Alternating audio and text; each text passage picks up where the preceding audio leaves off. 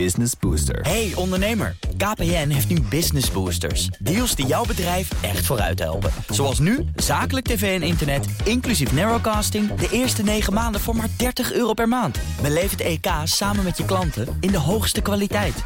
Kijk op kpn.com slash businessbooster. Business Booster. Zitten we weer. Nou, Hoe is het? ja, goed. Ik ben, eh, nou, eh, zoals je weet, eh, is het eh, de Ramadan. Ik had het even gemist hoor. Ja, hey, we worden echt helemaal gek gemaakt door Ramadan nieuws. Maar, ehm, dus, dus ik drink eigenlijk niet meer. Ik drink geen alcohol meer. Het is eh, voor mij En dat is even wennen. Dat is even sowieso wennen.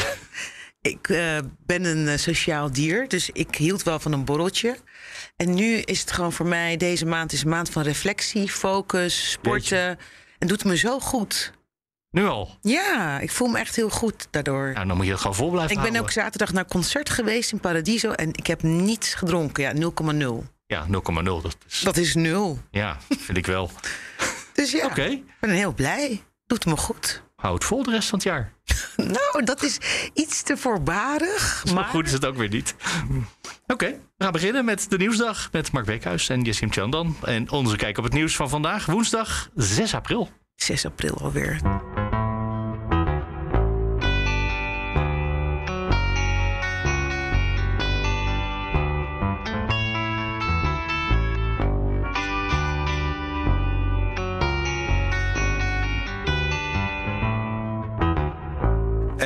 Wat misschien toch wel het spannendste nieuws is, is een soort opmaat naar wat er morgen gaat gebeuren. Dan is natuurlijk het debat over, in de Tweede Kamer over de mondkapjesdeal en de rol die onder andere Hugo de Jonge daarin speelde. Het wordt steeds spannender, vind ik. Vooral omdat nu, en dat is echt heel ongebruikelijk. Ja, het was ongebruikelijk dat Hugo de Jonge zelf naar het debat komt. Terwijl hij niet meer de verantwoordelijk minister is. Maar nu heeft hij ook nog een brief gestuurd. Niet zelf aan de Tweede Kamer, maar aan de huidige minister. Ja. En gevraagd: wilt u deze brief van mij doorsturen aan de Tweede Kamer? Ze hebben het procedureel, nou ja, geprobeerd in de, in, de nette protocollen te duwen waar het eigenlijk niet in past. Eh, en eh, nou, eigenlijk, zeg, eigenlijk staat daar niks nieuws in. Er staat in, eh, ja, ik heb wel contact gehad en het had misschien daar opener over kunnen zijn. Nou, dat wist iedereen al wel dat hij dat had kunnen doen. Maar hij zegt ook weer dat hij uiteindelijk toch met de afhandeling van eh, wat er met de, de berichten van, eh van Siewert van Liene gebeurd is, eh, dat hij daar uiteindelijk geen rol in heeft gespeeld. Dus hij, hij blijft toch volhouden dat hij onschuldig Nou ja, is. vooral dat hij geen. Hij neemt. Hij zegt: Ik ben er niet verantwoordelijk voor, maar ik had opener moeten zijn. Ja, dat is en, de, en de openheid heeft te maken. heeft hij eerder gezegd dat hij eigenlijk. heeft hij dat niet benoemd dat hij contact met hem had. En, en dat is natuurlijk wel ernstig. En eigenlijk wat er ook in het bericht stond met. Hugo, op jouw verzoek ben ik gaan knuffelen met Siewert. Ja. Dat vind ik al heel veel zeggen. Op jouw verzoek ben Ja, ik ja, ik denk ook niet dat het klopt wat hij in die brief schrijft. Dat hij, er zich, dat hij er niet verantwoordelijk voor was. Hij heeft zich er wel echt stevig tegenaan bemoeid. Maar dat wisten we ook al wel. Maar is dat wel zo? Want eigenlijk vind ik. eh, ben ik het niet helemaal mee Ja, eens. je, je toont het net aan. Hugo, op jouw verzoek ben ik gaan knuffelen op met jouw Siewert. verzoek, maar dan ook Siewert is weer bezig. Dus hij heeft het wel aangemoedigd. Ja, Want op een gegeven dat moment had Siewert ook gezegd van... Huh, 40 miljoen eh, mondkapjes. Ik had er 120 miljoen kunnen leveren. Dus hij, had, hij heeft geklaagd. Ja, klopt. En daar is Hugo de Jonge nog achteraan gegaan, hoe dat nou precies zit. Ja, Dus dan doe je toch wel een beetje mee, actief mee, vind Ja. ik. Dan, dan is hij toch wel verantwoordelijk. nee, hij is niet verantwoordelijk. Iemand anders heeft contracten gesloten. Iemand anders heeft de feitelijke onderhandeling gedaan. Hij heeft zich er wel echt mee bemoeid. En gestimuleerd. Ja, precies. Ja. Maar goed, dus dat debat van morgen, dat is, eh, dat is spannend. Daar gaan we het vandaag niet al te veel over hebben. Er was gisteren ook in de Tweede Kamer een technische briefing... Hè, over hoe het onderzoek loopt naar de mondkapjesdeals die er waren. Want er zijn er meer geweest. Daar was iedereen heel gefrustreerd over. Dus ik denk dat dat misschien ook wel geholpen heeft... om deze brief toch te laten versturen vandaag. Want de, de mensen van Deloitte die dat onderzoek doen... die, eh, die zeiden eigenlijk niks. Ja, die legden uit hoe een onderzoek werkt. Dat is natuurlijk niet wat iedereen wil weten. Nee, iedereen klopt. wil weten, wat weten jullie tot nu toe over Ja. Hugo de Jonge? Ja. Eh, sorry, we zijn niet klaar. We gaan je niks zeggen. We gaan ook geen, niet voorbarig of voor, eh, alvast even iets vertellen wat we al wel hebben uitgezocht. Eh, zijn er, hoeveel problemen bent u tegengekomen? Vroeg iemand. Sorry, we gaan echt helemaal niets zeggen. Waar ik ook benieuwd naar ben, is dat blijkbaar morgen de, de Kamer krijgt ook dan de, app, de echt appjes te zien. Ja, ja er zijn eh, de, de appjes van eh, Hugo de Jonge. Ja. Die staan nu op de website van de Tweede Kamer. Ja, ja dus Dus dat... die kan je nu alle honderd eh, kan je die bekijken. Of, ik weet niet of het zijn, maar het was zoveel dat ik ze niet allemaal geprint heb. Er zoveel dus. Dus flink wat geappt. Ja, met hem en met zijn politiek adviseur. En de politiek adviseur weer met. ja, hoe denk jij dat dit gaat eindigen morgen? Ik heb er geen idee van. Er was iemand op Twitter gisteren, want we hadden natuurlijk de voorspelling gisteren dat de man nu af zal gaan treden. Dat was jouw voorspelling. Ja. Iemand op Twitter viel jou bij en die zei dat is waarom hij naar de, naar de Tweede Kamer komt, zodat hij kan aftreden. Oeh. Ik weet dat niet. Ik ben had heel wel graag benieuwd. zelf verzonnen, dit scenario. Ja, toch? Oké, genoeg hierover. Daar gaan we morgen vast veel meer over horen. Misschien ook wel in deze podcast. Morgen is tijd van de waarheid. Oh nee, dan komen nog heel veel tijden van de waarheid. Uh, iets heel anders. Er is natuurlijk ook nog steeds oorlog in uh, Oekraïne. Ja, helaas. Daar moeten we het misschien toch ook nog eens een klein beetje over hebben. En Ja. een van de dingen, ja, klein, klein beetje ergerlijk. Hongarije heeft vandaag laten weten, dus dat is natuurlijk Viktor Orban, die altijd al uh, tegendraads is in Europa. Ja. Nou, als, Russie, als de Russen het gas graag in roebels betaald willen krijgen, dan gaan we dat wel gewoon doen. En dat is natuurlijk, ja, er is, uh, het, nou, misschien kan het, maar uh, het, het, is natuurlijk niet handig om dat te zeggen. Ja, hier, ja. Orbán is natuurlijk wel de grote vriend van Poetin. Ja, en dat zegt hij hiermee. Ja, Ja, eigenlijk wel, ja. Ja. Maar aan de ene kant zegt hij ook van ja, er moet een, uh, een wapenstilstand komen. Dat heeft hij ook weer gezegd. En er moet vrede komen. En de Russen moeten het land uit. Maar ja. Ja, het is echt bizar. Maar ik vind, ik vind Orbán sowieso heel bizar. En hij wil ook dat er vredesonderhandelingen in Hongarije worden gehouden. Die nu eigenlijk in Turkije werden gehouden. ja, en daarna door naar Israël. Dat ook, ja. Dus hij wil een beetje een soort van uh, een, een uh, vinger in de pap.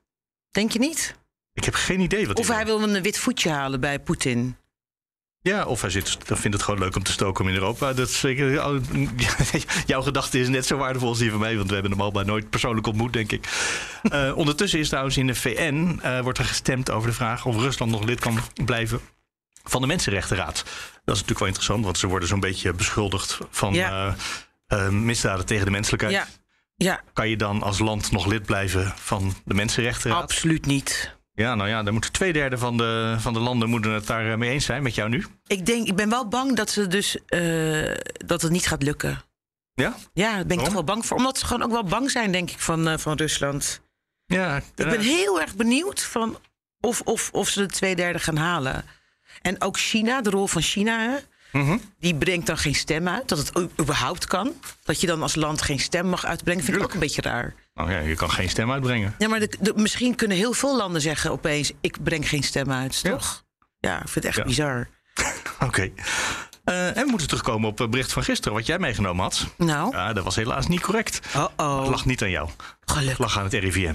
Nee, we hadden het over de, de stikstof top 100 Ja. die het RIVM had gemaakt met de grootste uitstoters. En Met nummer 1 Tata. Ja, en dat is niet veranderd. Uh, maar bij heel veel eh, boerenbedrijven blijken er verkeerde getallen gebruikt te zijn.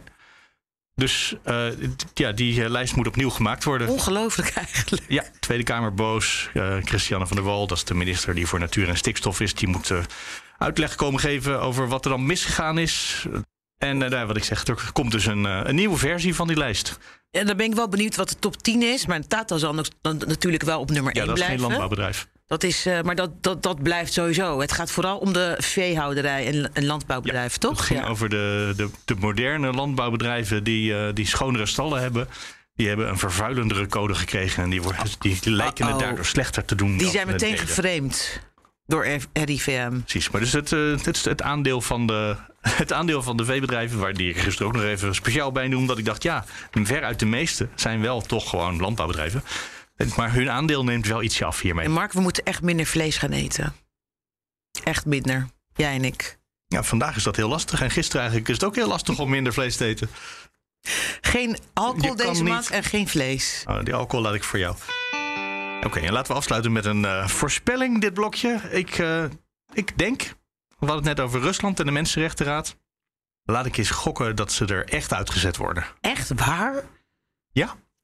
Tweederde gaat dus stemmen. Ja, twee derde van de landen die in de Mensenrechtenraad zitten, dat zijn 47 landen. Ja, Ik heb ze niet helemaal nagekeken, maar laten we eens even gokken dat dat.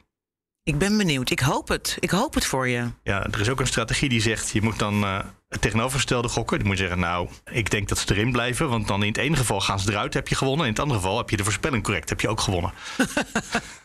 Uh, maar nee, ik denk, dat ze, ik denk dat ze er echt uitgezet gaan worden. Dus die gaat op de lijst voor vandaag. Oké. En dat betekent ook dat je straks naar uh, Instagram kan gaan. En dan kan je uh, stemmen op deze stelling. Ik ga ook meestemmen. En dan moet je naar het BNR. Daar publiceren we die elke dag. Dan is het natuurlijk nog even tijd voor onze dagelijkse herinnering dat je je kan abonneren op deze podcast. Want je luistert misschien nu naar de radio. Maar het kan ook zijn dat je denkt. Dit wil ik elke dag horen. Ja, als je echt niets wil missen, toch Mark? Als je niks wil missen, pak je podcast-app erbij. Dus als je echt niets wil missen, dan moet je naar de Nieuwsdag. Ja, dat is eigenlijk wel het uitgangspunt. Ja, ingewikkelder is het niet. Nee, daarom. Dus ik denk dat ik toch een paar mensen heb overgehaald heb. Dan, Jessim, moeten wij het hebben over faillissementen. Bedrijven die bankroet dreigen te gaan. Juist, juist. Het werd gezegd slachting onder bedrijven. Dus ik ben heel erg benieuwd of dat echt heel erg reëel is. Het, gaat over 220.000 ondernemers die eigenlijk uh, dreigen te stoppen. En ze weten ook niet hoe ze moeten stoppen. En Kamer van Koophandel heeft een onderzoek gedaan mhm. onder iets van iets meer dan duizend uh, ondernemers. En uh, dus ondernemers voelen zich alleen. Waar ik eigenlijk zo een vraag over heb aan meneer Han de Jong. Mhm. en, en veel schulden. Ja, dus ik dacht van wow, best wel. Als je het zo leest, denk je van dit is wel heel ernstig. Ja, maar in hoeverre heeft. Heel veel bedrijven die daar ja, slecht voor staan. En een ja. flink aantal daarvan nog eens een keertje die op het randje van omvallen staan. Ja, ja dus, uh, dus hoe, in hoeverre heeft het te maken met uh, de coronamaatregelen, lockdown, uh, de oorlog in Oekraïne, energiecrisis? En daarvoor wilden we natuurlijk aan Han de Jong ja, een en ander vragen. Huiseconoom bij BNR. Ja, want ik heb een, een dringende vraag ook. Nou, hij hangt aan de lijn, dus misschien moet je hem maar gewoon Zeker. stellen. Eerst even hallo zeggen nog. hallo. Goeiedag. Ja, hallo. Goeiedag. Hallo. Nou, kom maar door met je dringende vraag. Nou ja, kijk, ik heb ook gelezen dat juist de de bedrijven in, in, in de, de fashion-industrie heel zwaar hebben. Maar is dat gewoon niet onderhevig aan de veranderingen die we te maken hebben met online shoppen? Los van corona, los van Oekraïne, los van energiecrisis. Hoe zijn die bedrijven ook onder die 220.000 ondernemers? Ja, die zitten daar natuurlijk ook in. Dan moet ik wel zeggen dat uh, uh, ik vind de koppen die, eh, die zijn heel erg alarmerend. En ik ja. wil het probleem ook zeker niet bagatelliseren. Uh, maar de, de aantallen, um, ja, dat, dit zou ik toch wel te willen nuanceren. 220.000 bedrijven, dat is nogal wat. Um, um, er zijn in Nederland 2 miljoen bij de Kamer van Koophandel ruim 2 miljoen uh, bedrijven ingeschreven. Uh, maar 1,6 miljoen daarvan zijn eenmanszaken. En dan zijn er ook nog uh, bijna 200.000 bedrijven met maar één personeelslid. Um, dus ook ZZP'ers horen hier ook dan bij? Ook, ja, precies, ja. precies. Ook ZZP'ers ja. horen hierbij. En als je het, als je het uh, persbericht van de Kamer van Koophandel leest... Hè, dan, dan staat er nou, 220.000 ondernemers die hebben het moeilijk.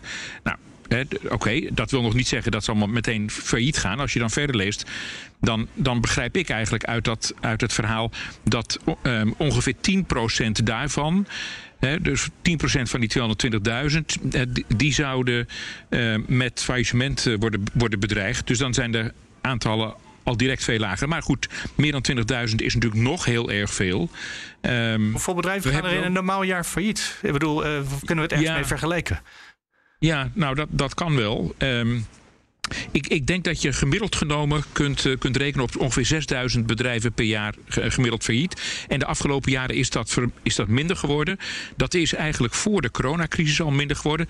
In 2019 bijvoorbeeld gingen er iets minder dan 4000 bedrijven failliet. En toen kwam die coronacrisis en vervolgens dachten we dat er heel veel bedrijven failliet zouden gaan.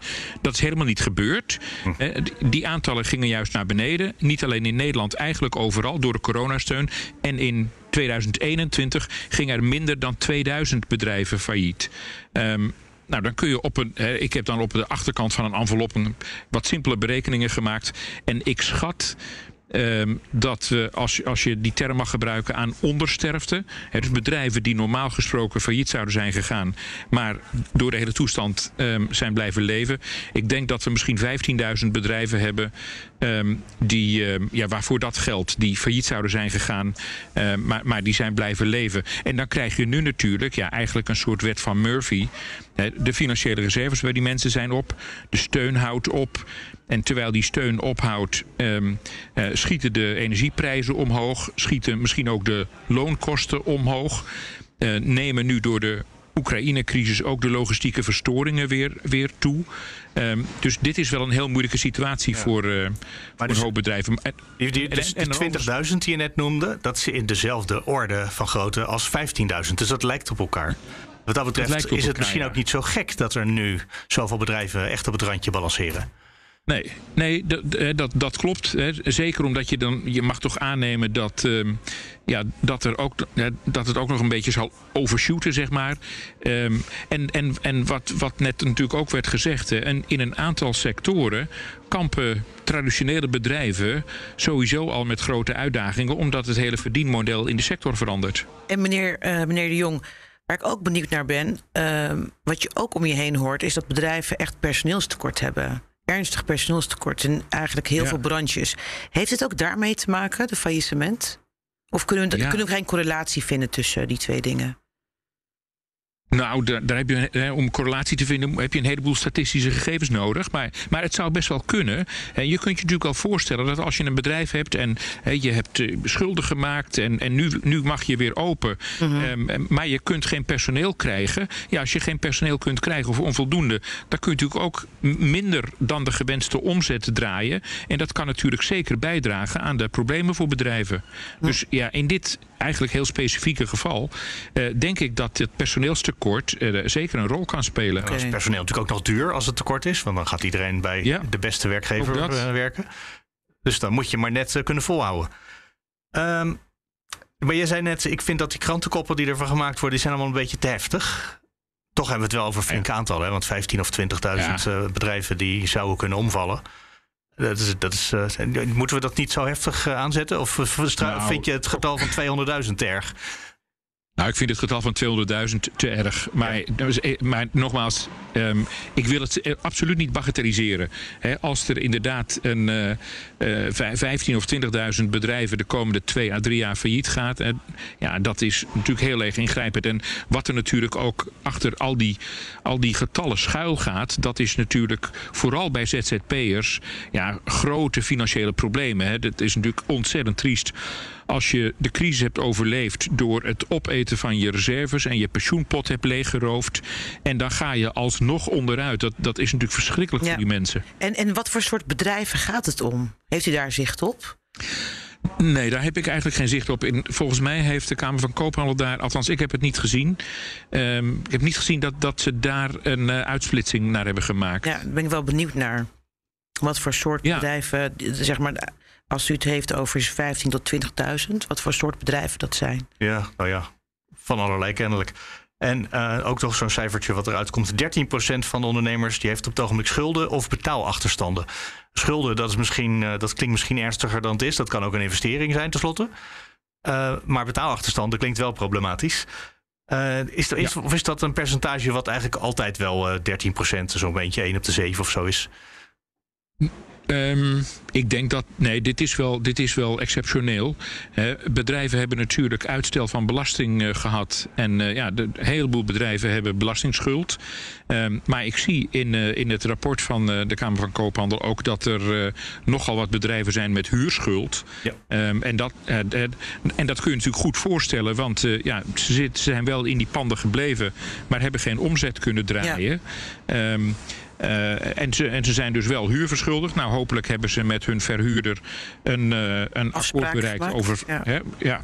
Ehm, maar, maar dat neemt niet weg dat hè, zoveel bedrijven met huurschuld, dat is echt wel exceptioneel. En natuurlijk zoveel bedrijven met belastingsschuld ook. Ja, en, en eh, wat voor steun kunnen deze bedrijven dan verwachten? Ja, moeten we ze redden? Ik bedoel, kijk, ze hebben natuurlijk wel eh, iets van staatssteun gehad. Hè? Corona-pakketje, om Ja. het zo maar te zeggen. Ja, vind ik, Ja. vind ik een interessante vraag. Maar is, moeten we dit gewoon laten gebeuren? Of is dat eigenlijk onverstandig, zo'n grote golf? Ja, ehm, kijk. Macro gezien, hè? even helemaal eh, zonder eh, rekening te houden als- met de als mensen. Als ik, als ik geen rekening hou met de mensen en ook mijn eigen gevoel even, even op nul zet, hè, dan moet je zeggen: we leven in een markteconomie. En een markteconomie eh, is dynamisch. En een deel van die dynamiek dat komt doordat. Eh, bedrijven ook failliet gaan. En, en daar komen er weer andere bedrijven op. En, en de, de, de productieve middelen die eh, vrijkomen doordat een bedrijf failliet gaat, die worden dan vervolgens weer op een andere manier in de economie in- ingezet. Ehm, dus het is, het is op zich natuurlijk een, een, een natuurlijk proces. Ehm, dus ja, Dus moet het laten gebeuren. Dat is eh, verstandig klinkt het. Ja. ja, nou ja, e- Maar het is economisch vervelend om het hardop te zeggen. Het is heel vervelend om het hardop te zeggen. En wat je natuurlijk wel kunt doen is, en wat je ook wel moet doen, is je moet wel kijken of je, of je die individuen die hierdoor natuurlijk in enorme problemen komen, of je voor die mensen niet iets kunt doen. Nou ja, dus dan, eh, dan kunnen die bedrijven failliet gaan. Ehm, eh, maar je moet die mensen wel steunen. Nou ja, bijvoorbeeld eh, muzikanten. Ik bedoel, kijk, theater is natuurlijk heel lang dicht geweest. kunst en Ja. cultuur, maar ook horeca. En ik kan me wel voorstellen dat er in de aantallen ook heel veel horecabedrijven zitten. Dat, dat kan ik Ja. me ook goed voorstellen. Nou, is, nou is het de natuur van de horeca wel dat er, dat er vrij veel eh, verloop is van bedrijven. Het ene bedrijf gaat, eh, ga- ja, houdt op. Hè, of, of, of de eigenaar ehm, eh, verkoopt zijn bedrijf aan een ander.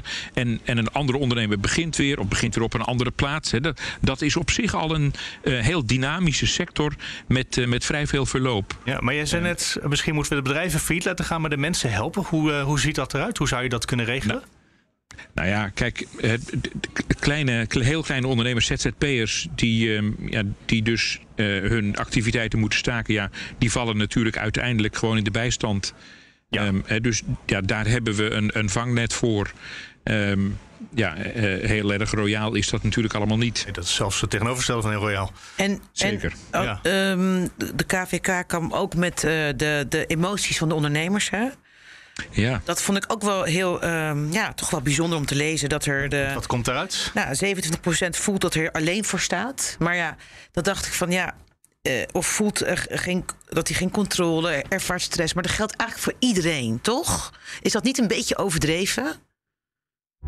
Dit is part of the job. Is als je ondernemer En bent, heb je, Dat wil zeggen, eh, neem je risico, geen risico van champagne. eh, zeggen. En Nou, ehm, je hebt gewoon, met, ja, dat is gewoon part of the job. Dus het hoort maar hij gewoon zei bij. ook iets verkeerd. Ja, en iemand dat- op Twitter dat denk ik sprak ook me wel. Ik daarop weet ook niet, die had eh, helemaal gelijk. hoe Die zei dat verhaal een over normaal- data hoe- hoeveel recovery. stress dat ondernemers voelen van in een normale Rian tijd. Rijbroek. Eh, kortom, Ehm, niet zo goed. Het is altijd Eh, want stress, hij toch? zei, Als je een je bedrijf snel hebt, is het gewoon altijd eh, wel dan stress. kan je daar altijd de Oh, gegevens dat wel weer uithalen. Nou, ik weet het eh, niet. dan in ja, ik gecomprimeerde kom uit ondernemersfamilie. Dus eh, het is altijd, wel... Eh, Ja, je moet dan altijd hard werken. Altijd wel. Dus ik vond het wel, frappant om dit te lezen van heb je dat eh, niet gedaan. Grafica, de emoties Dus van technisch gezien ondernemers. klopt er eigenlijk niet zoveel van. Maar het is Dankjewel. wel zo waar je Dankjewel. eigenlijk op doelde dat heel veel bestanden in allerlei kopieën op verschillende servers staan.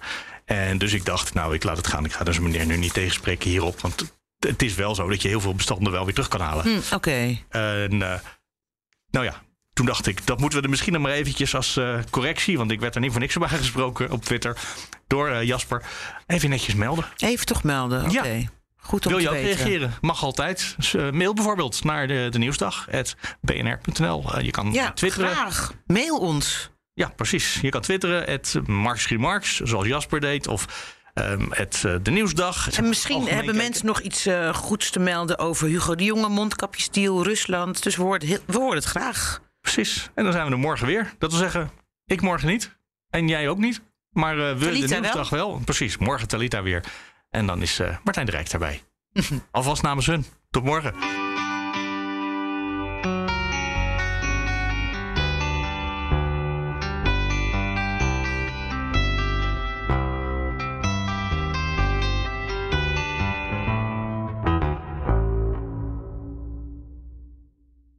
Business Booster. Hey ondernemer, KPN heeft nu Business Boosters. Deals die jouw bedrijf echt vooruit helpen. Zoals nu, zakelijk tv en internet, inclusief narrowcasting... de eerste 9 maanden voor maar 30 euro per maand. Beleef het EK samen met je klanten in de hoogste kwaliteit.